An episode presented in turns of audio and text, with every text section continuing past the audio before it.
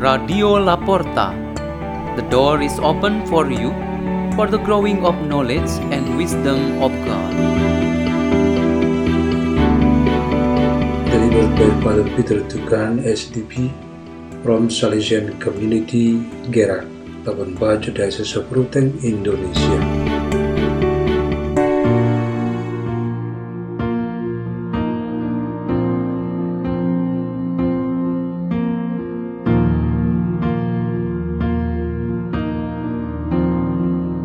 Reading and meditation on the Word of God on Wednesday of the first week in Ordinary Time, January 11, 2023.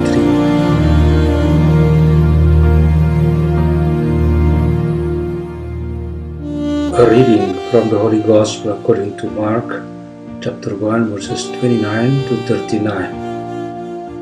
On leaving the synagogue, Jesus entered the house of Simon and Andrew with James and John. Simon's mother in law lay sick with a fever. They immediately told him about her. He approached, grasped her hand, and helped her up. Then the fever left her, and she waited on them. When it was evening after sunset, they brought him all who were ill or possessed by demons. The whole town was gathered at the door. He cured many who were sick with various diseases, and he drove out many demons, not permitting them to speak because they knew him. Rising very early before dawn, he left and went off to a deserted place, where he prayed.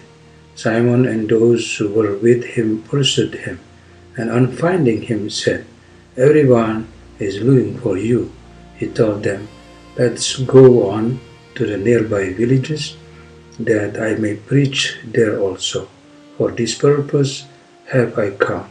So he went into their synagogues, preaching and driving out demons throughout the whole of Galilee. The Gospel of the Lord.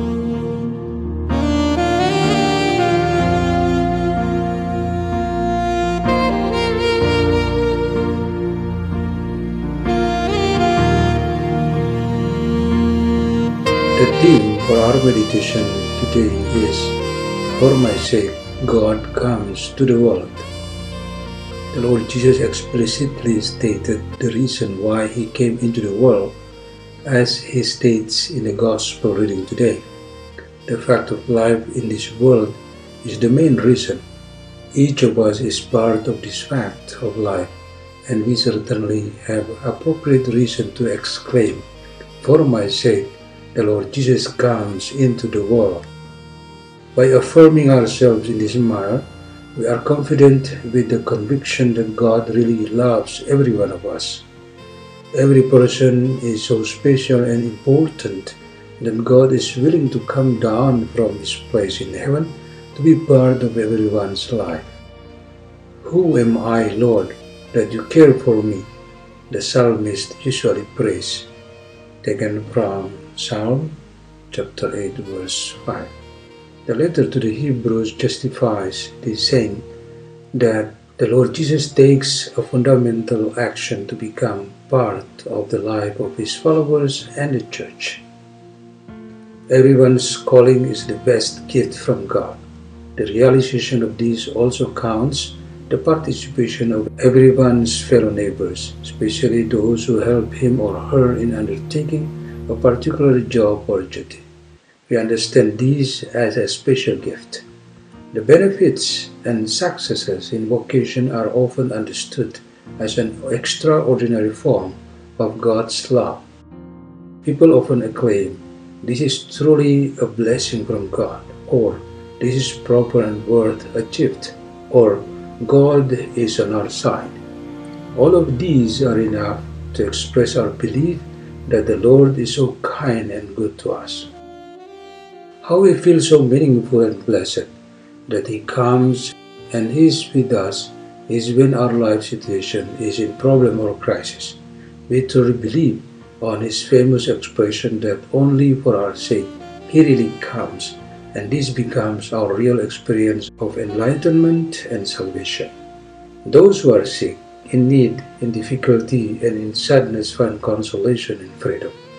Maybe the apostles who were accompanying him were curious and asked in this way Are you not tired, not weary, and run out of resources by serving like this?